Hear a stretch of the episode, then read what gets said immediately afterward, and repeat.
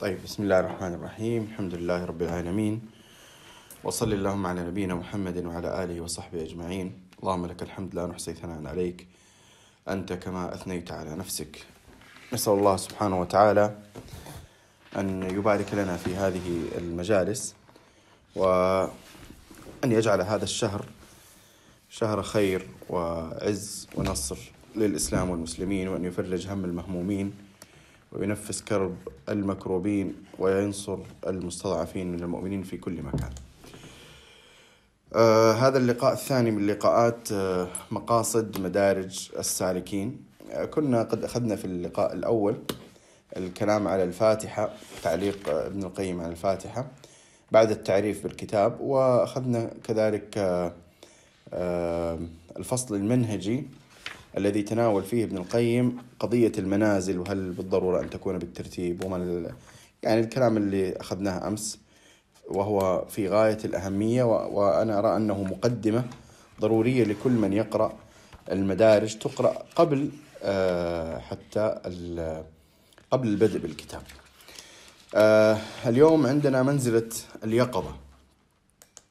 وما بعدها من المنازل؟ حينما تأتي إن شاء الله حينما نصل إلى منزلة المحاسبة سيلتفت ابن القيم إلى الخلف وسيعلق على المنازل الأربعة التي سبقت منزلة المحاسبة. سيأتي الكلام في وقته إن شاء الله. منزلة اليقظة. ال ال الإمام الهروي جعلها أول منزلة. وابن القيم رحمه الله تعالى يتفق معه على أنها أول المنازل وكأنها شرط يعني للانطلاق اليقظة منزلة اليقظة. ويتكلم ابن القيم رحمه الله في صفحة 271 الجزء الأول بالنسبة لطبعة دار طيبة. يقول الإمام ابن القيم رحمه الله فاعلم أن العبد قبل وصول الداعي إليه في نوم الغفلة قلبه نائم وطرفه يقظان. فصاح به الناصح وأسمعه داعي النجاح وأذن به مؤذن الرحمن حي على الفلاح. فأول مراتب هذا النائم اليقظة والانتباه من النوم. وقد ذكرنا أنها انزعاج القلب لروعة الانتباه. هو يقول ذكرنا لأنه قبل عدة فصول أشار إلى إلى منزلة اليقظة. يقول وقد ذكرنا أنها انزعاج القلب لروعة الانتباه. وصاحب المنازل يقول هي القومة لله المذكورة في قوله قل إنما أعظكم بواحدة أن تقوموا لله مثنى وفرادا قال القومة لله هي اليقظة من سنة الغفلة والنهوض عن ورطة الفترة وهي أول ما يستنير قلب العبد بالحياة لرؤية نور التنبيه وهي على ثلاثة على ثلاثة أشياء. لحظ القلب إلى النعمة على اليأس من عدها والوقوف والوقوف على حدها والتفرغ إلى معرفة المنة بها والعلم بالتقصير في حقها. هذا الآن كلام صاحب المنازل. يقول ابن القيم رحمه الله: وهذا الذي ذكره هو موجب اليقظة وأثرها.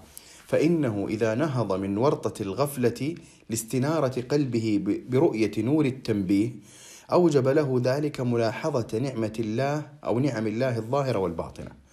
وكلما حدق قلبه وطرفه فيها شاهد عظمتها وكثرتها فيأس من عدها والوقوف على حدها وفرغ قلبه لمشاهدة منة الله عليه بها من غير استحقاق ولا استجلاب لها بثمن فتيقن حينئذ تقصيره في واجبها وهو القيام بشكرها فأوجب له شهود تلك المنة والتقصير نوعين جليلين من العبودية.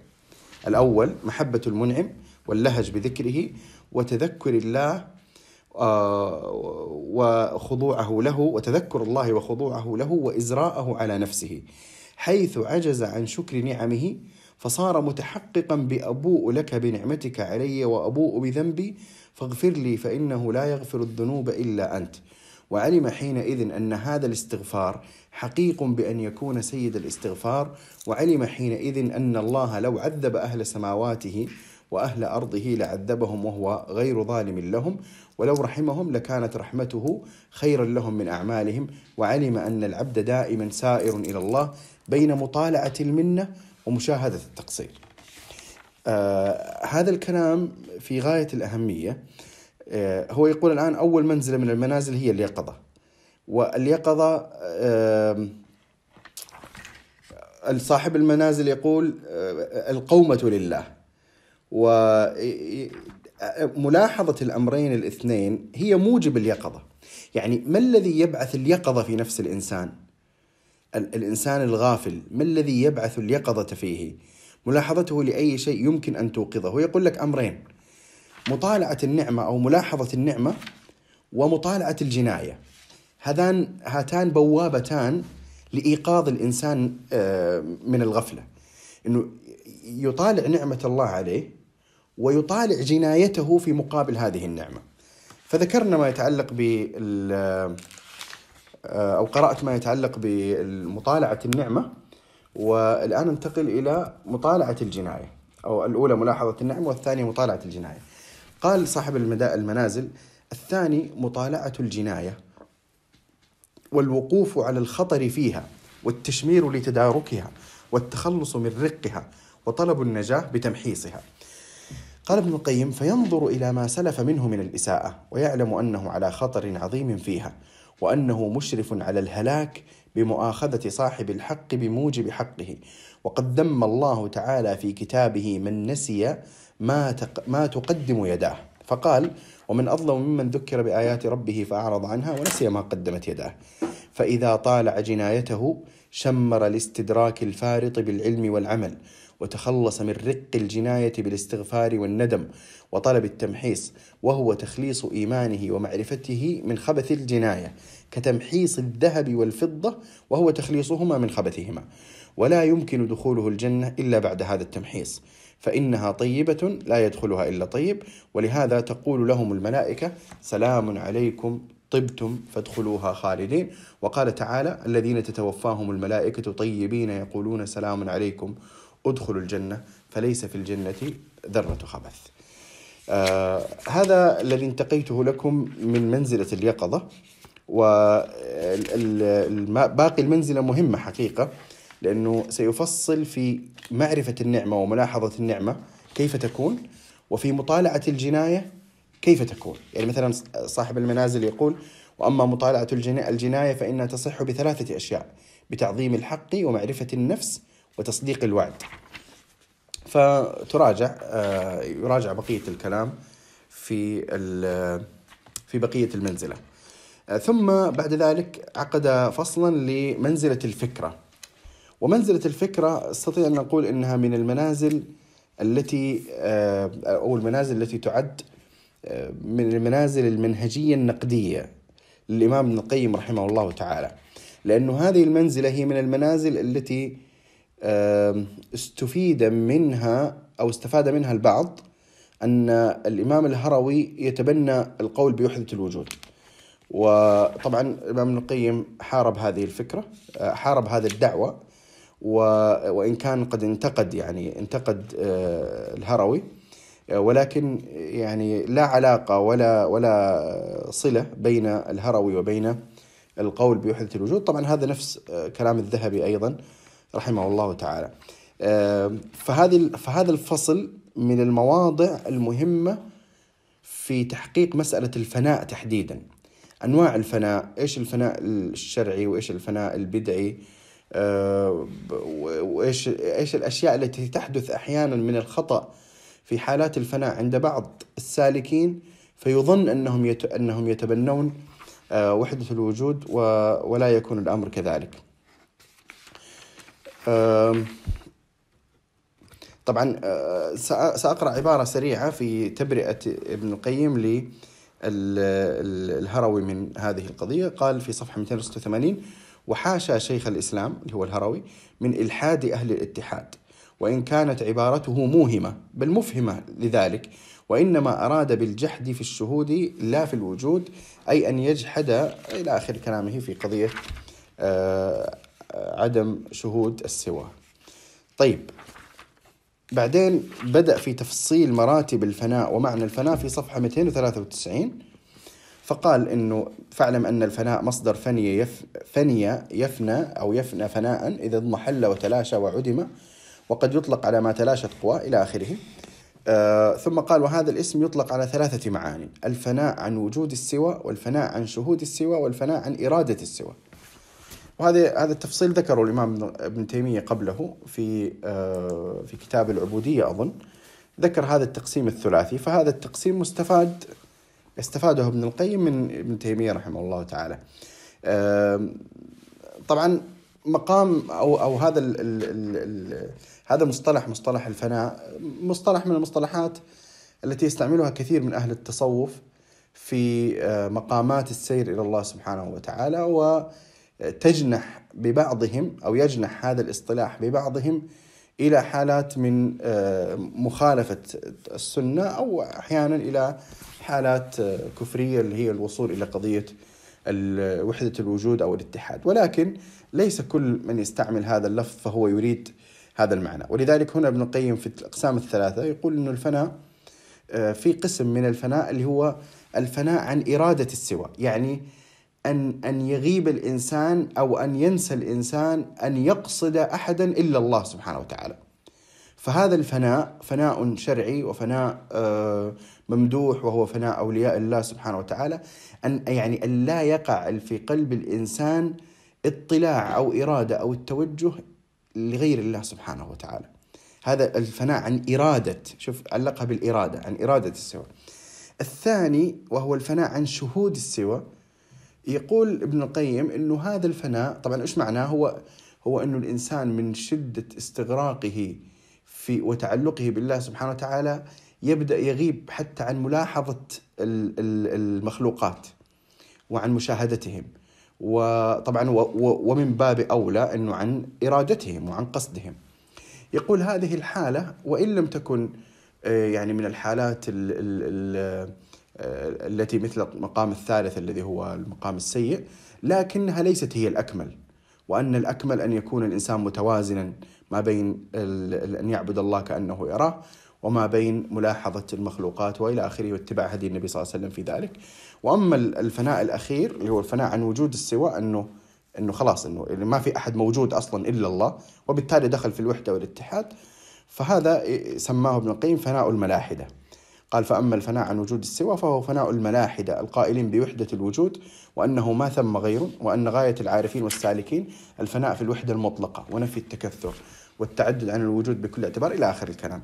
عموما هذا ملخص ملخص شديد يعني مركز جدا لكلام الإمام ابن القيم في هذه القضية ومن أحب إنه يتوسع فيها يراجع من صفحة 201 293 المجلد الأول. طبعا هو ذكر حتى من الأشياء اللي فصل فيها إنه حالات خلينا نقول السكر التي تحصل بسبب هذه بسبب هذا الفناء وإيش اللي يحصل من عبارات لا لا يدرون ماذا قالوا في تلك الحالة من من من الفناء عن شهود السوى إلى آخره كلام أيضا ذكره قبله قبله ابن تيمية رحمه الله يراجع في موضعه. طيب ننتقل الآن هذا كله في منزلة الفكرة. في منزلة الفكرة. لكن خلوني أو دعوني أقرأ لكم كلام ابن القيم عن عن الدرجة المشروعة من الفناء اللي هي الفناء في إرادة السوى أو عن إرادة السوى. كلام جميل جدا ذكره ابن القيم. يقول الدرجة الثالثة من درجات الفناء فناء خواص الأولياء وأئمة المقربين وهو الفناء عن إرادة السوى. شائما برق الفناء عن إرادة ما سواه. سالكا سبيل الجمع على ما يحبه ويرضاه. فانيا بمراد محبوبه منه عن مراده هو من محبوبه فضلا عن إرادة غيره. قد اتحد مراده بمراد محبوبه أعني, أعني المراد الديني الأمري لا المراد الكوني القدري. فصار المرادان مرادا فصار المرادان واحدا وليس في العقل اتحاد صحيح إلا هذا. إلى أن قال فهذا الاتحاد والفناء هو اتحاد خواص المحبين وفناؤهم فنوا بعبادة محبوبهم عن عبادة ما سواه. وبحبه وخوفه ورجائه والتوكل عليه والاستعانة به والطلب به عن حب ما سواه وخوفه ورجائه والتوكل عليه. ومن تحقيق هذا الفناء أن لا يحب إلا في الله ولا يبغض إلا فيه ولا يوالي إلا فيه ولا يعادي إلا فيه ولا يعطي إلا له ولا يمنع إلا له ولا يرجو إلا إياه ولا يستعين إلا به. فيكون دينه كله ظاهرا وباطنا لله ويكون الله ورسوله أحب إليه مما سواهما فلا يواد من حاد الله ورسوله ولو كان أقرب الخلق إليه بل يعادي الذي عادى من الناس كلهم جميعا ولو كان الحبيب المصافية وحقيقة ذلك فناؤه عن هوى نفسه وحظوظها بمراضي ربه وحقوقه. والجامع لهذا كله تحقيق شهادة لا إله إلا الله علما ومعرفة وعملا وحالا وقصدا. طيب. بعد كذا باقي صفحتين ثم انتقل إلى منزلة المحاسبة. في أول منزلة المحاسبة يقول آه، ابن القيم فلنرجع إلى ذكر منازل إياك نعبد وإياك نستعين التي لا يكون العبد من أهلها حتى ينزل منازلها. طبعا قوله فلنرجع إلى ذكر لأنه استطرد استطراد طويل جدا في منزلة الفكرة فيما يتعلق بتفصيل حالات الفناء والنقد الذي وجهه لهذه الفكرة بالتفصيل المذكور. فهنا قال خل لنرجع إلى ذكر منازل إياك نعبد وإياك نستعين. يقول ذكرنا منها اليقظة والبصيرة والفكرة والعزم. طبعا هو في في البصيرة والعزم ذكر كلاما مختصرا جدا. فيقول عن هذه المنازل الأربعة اللي هي اليقظة واللي تكلمنا عنها والفكرة تكلمنا عنها باختصار والبصيرة والعزم هذه لسائر المنازل كالأساس للبنيان. وعليها مدار منازل السفر إلى الله ولا يتصور أو يتصور السفر إليه بدون نزولها البتة. وهي على ترتيب السير الحسي فإن المقيم في وطنه لا يتأتى منه السفر حتى يستيقظ من غفلته عن السفر ثم يتبصر في أمور سفره وخطره وما فيه من المنفعة له والمصلحة ثم يفكر في أهبة السفر والتزود وإعداد عدته ثم يعزم عليه فإذا عزم عليه وأجمع قصده انتقل إلى منزلة المحاسبة وهي التمييز بين ما له وعليه. فيستصحب ماله ويؤدي ما عليه لأنه مسافر سفر من لا يعود. آه ومن منزلة المحاسبة يصح له نزول منزلة التوبة. طبعا تعرفوا الهروي جعل منزلة المحاسبة بعد التوبة لكن ابن القيم رأى أن المحاسبة تكون قبل التوبة. طيب. في آه في صفحة 327 في كلامه عن المحاسبة سأقرأ عليكم شيئا متعلقا بأركان المحاسبة آه تقريبا صفحة ونصف ثم سننتقل إلى منزلة التوبة وسنختم بالكلام عن منزلة التوبة. من لن, لن نكمل إلى نهاية التوبة لأنه كلام طويل لكن ستكون آخر منزلة نتكلم عنها اليوم آه، إلى منتصف تقريبا أو آه، الربع الأول من التوبة. طيب 327 يقول من أركان المحاسبة ما ذكره صاحب المنازل فقال الثالث أن تعرف أن كل طاعة رضيتها منك فهي عليك وكل معصية عيرت بها أخاك فهي إليك. يقول ابن القيم رضاء العبد بطاعته دليل على حسن ظنه بنفسه وجهله بحقوق العبودية وعدم علمه بما يستحق أو عمله بما يستحقه الرب جل جلاله ويليق أن يعامل به. وحاصل ذلك أن جهله بنفسه وصفاتها وآفاتها وعيوب عمله وجهله بربه وحقوقه وما ينبغي أن يعامل به يتولد منهما رضاه بطاعته. مرة أخرى هذه الحالة من العجب أو أو الرضا عن الحال يتولد من أمرين، الأمر الأول جهل جهله بنفسه أو بجهله بنفسه وصفاتها، الأمر الثاني جهله بربه وحقوقه. يقول يتولد منهما رضاه بطاعته وإحسان ظنه بها، ويتولد من ذلك من العجب والكبر والآفات ما هو أكبر من الكبائر الظاهرة من الزنا وشرب الخمر والفرار من الزحف ونحوها.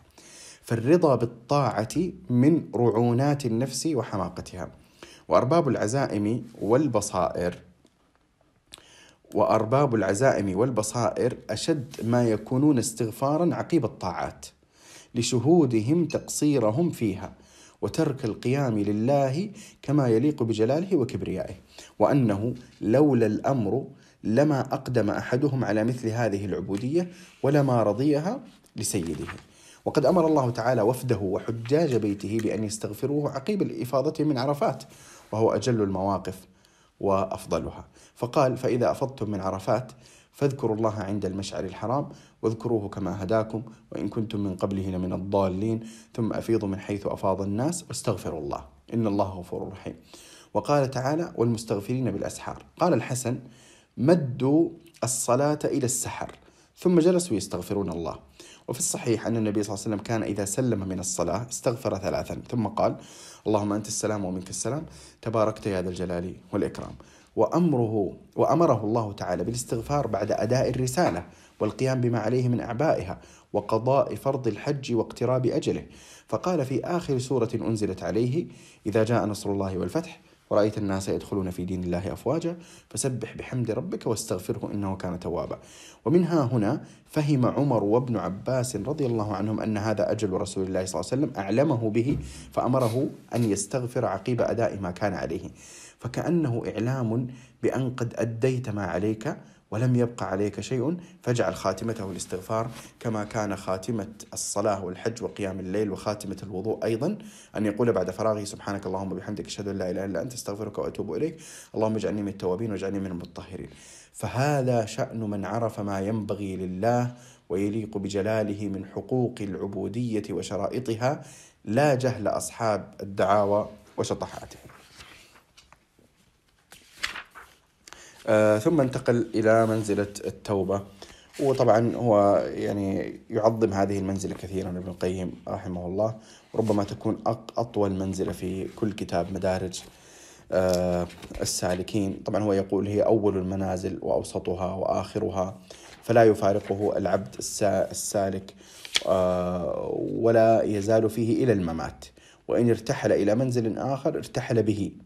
أي بمنزل التوبة واستصحبه معه ونزل به.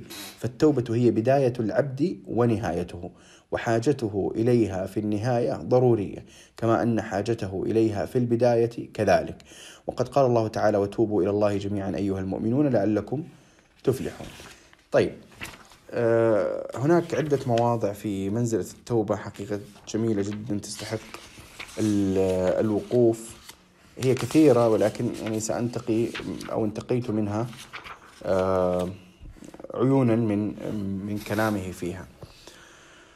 آه، في صفحة 347 يتكلم عن موجبات التوبة الصحيحة. يتكلم عن معنى آه، يعني عن معنى مهم جدا وهي وهو معنى الانكسار القلبي الذي يحصل للتائب أو للتائب التوبة الصحيحة طبعا يعبر عنها بتعبير آه، عجيب. يقول ومن موجبات التوبة الصحيحة أيضا كسرة خاصة تحصل للقلب لا يشبهها شيء ولا تكون لغير المذنب لا تحصل بجوع ولا رياضة ولا حب مجرد وإنما هي أمر وراء ذلك كله.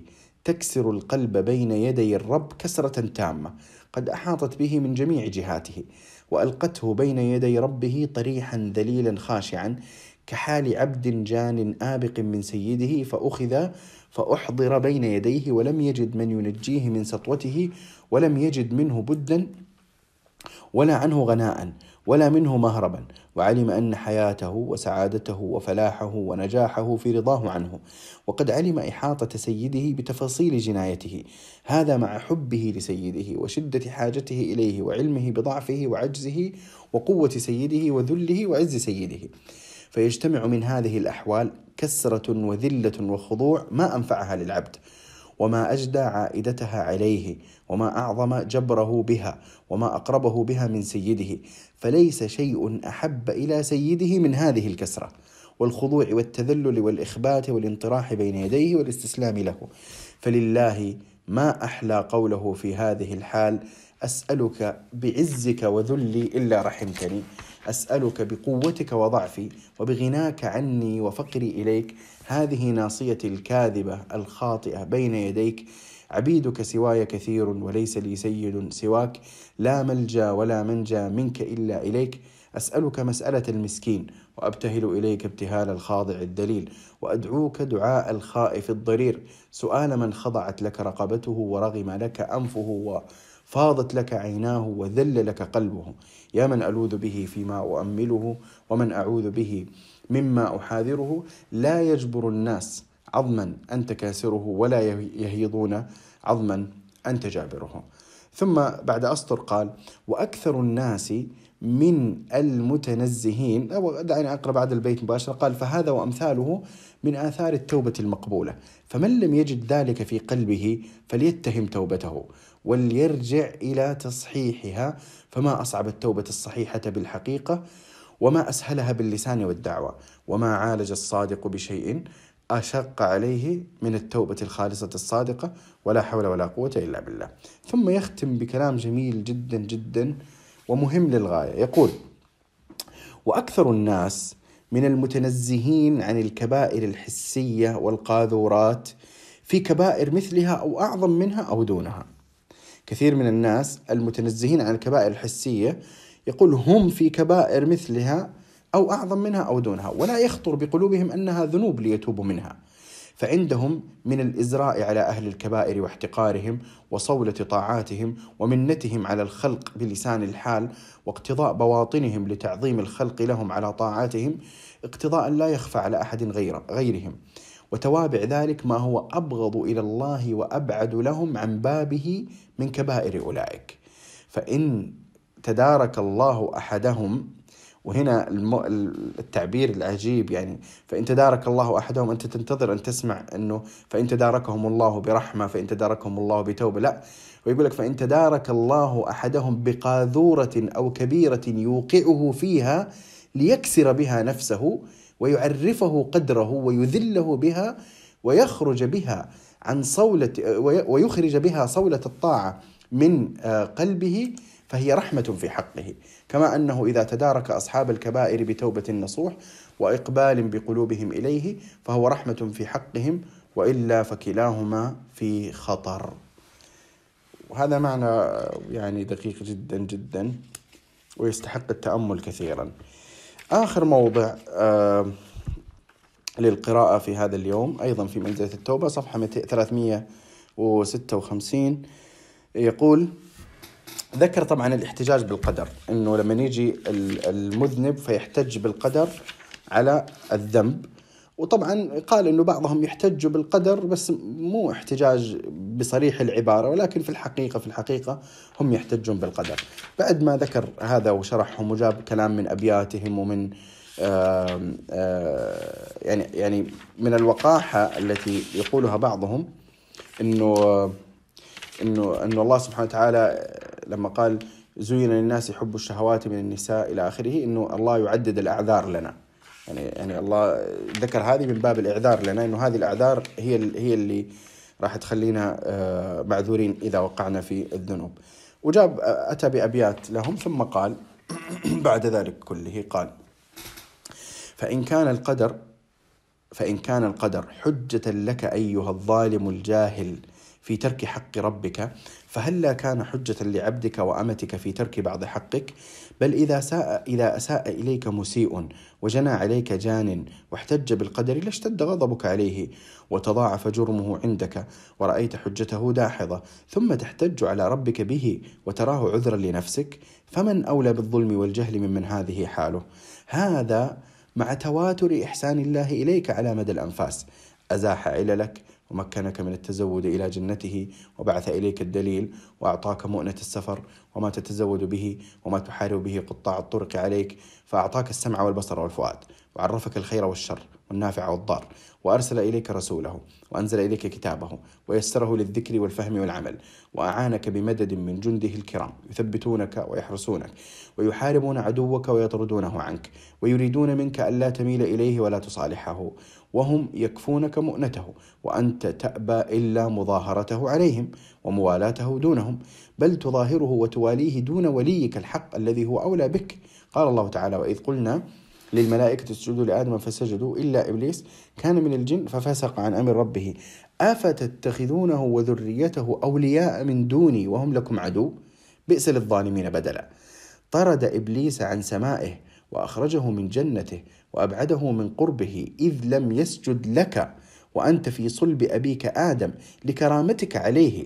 فعاداه وأبعده ثم واليت عدوه وملت إليه وصالحته وتتظلم مع ذلك وتشتكي الطرد والإبعاد وتقول عودوني الوصال والوصف عذب ورموني بالصد والصد صعب. نعم وكيف لا يطرد من هذه معاملته؟ وكيف لا يطرد من هذه معاملته معاملته وكيف لا يبعد عنه من كان هذا وصفه وكيف يجعل من خاصته وأهل قربه من حاله معه هكذا. قد أفسد ما بينه وبين الله وكدره.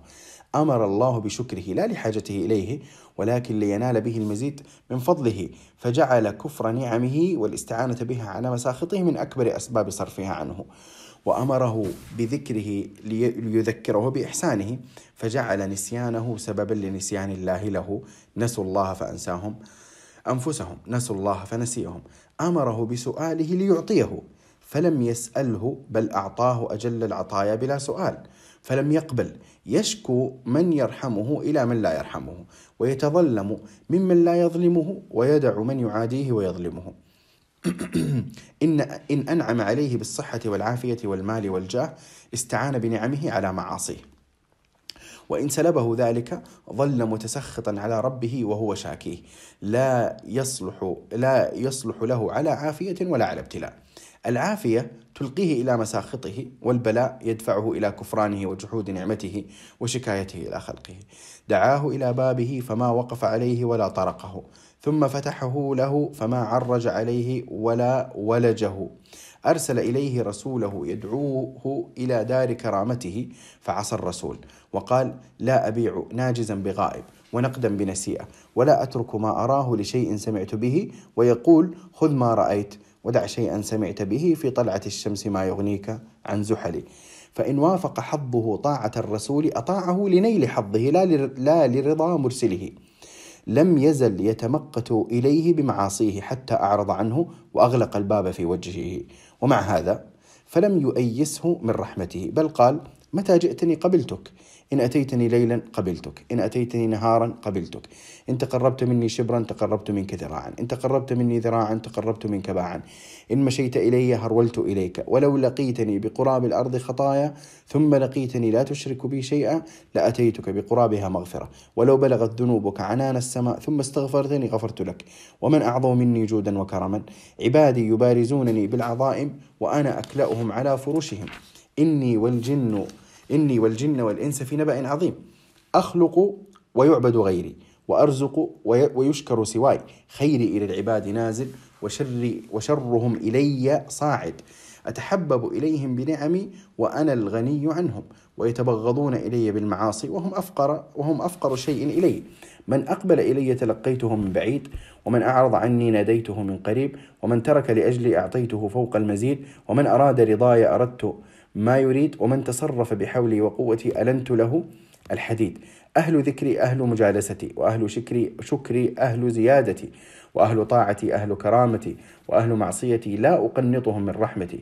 وإن تابوا إلي فأنا حبيبهم فإني أحب التوابين وأحب المتطهرين. وإن لم يتوبوا إلي فأنا طبيبهم أبتليهم بالمصائب ليطهرهم من المعايب.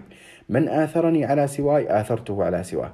الحسنة عندي بعشر أمثالها إلى سبعمائة ضعف إلى أضعاف كثيرة والسيئة عندي بواحدة فإن ندم عليها واستغفرني غفرتها له. أشكر اليسير من العمل وأغفر الكثير من الزلل. رحمتي سبقت غضبي وحلمي سبق مؤاخذتي وعفوي سبق عقوبتي. أنا أرحم بعبادي من الوالدة بولدها. لله أشد فرحا بتوبة عبده. من رجل أضل راحلته بأرض بأرض مهلكة دوية عليها طعامه. أو دوية عليها دوية عليها طعامه وشرابه فطلبها حتى إذا أيس من حصولها نام في أصل شجرة ينتظر الموت فاستيقظ فإذا هي على رأسه. قد تعلق خطامها بالشجرة فالله أفرح بتوبة عبده من هذا براحلته. وهذه فرحة إحسان وبر ولطف لا فرحة محتاج إلى توبة عبده منتفع بها. وكذلك موالاته لعبده إحسانا إليه ومحبة له وبرا به لا يتكثر به من قلة ولا يتعزز به من ذلة ولا ينتصر به من غلبة ولا يعده لنائبة ولا يستعين به في أمر وقل, وقل الحمد لله الذي لم يتخذ ولدا ولم يكن له شريك في الملك ولم يكن له ولي من الذل وكبره تكبيرا. فنفى أن يكون له ولي من الذل والله ولي الذين آمنوا وهم أولياؤه. فهذا شأن الرب وشأن العبد. وهم يقيمون أعذار أنفسهم ويحملون ذنوبهم على أقداره. استأثر الله بالمحامد والمجد وولى, وولى الملامة الرجل. وما أحسن قول القائل؟ تطوي المراحل عن حبيبك دائما وتظل تبكيه بدمع ساجم. كذبتك نفسك لست من أحبابه تشكو البعاد وأنت عين الظالم. وجزاكم الله خيرا وصل اللهم على نبينا محمد وعلى آله وصحبه أجمعين.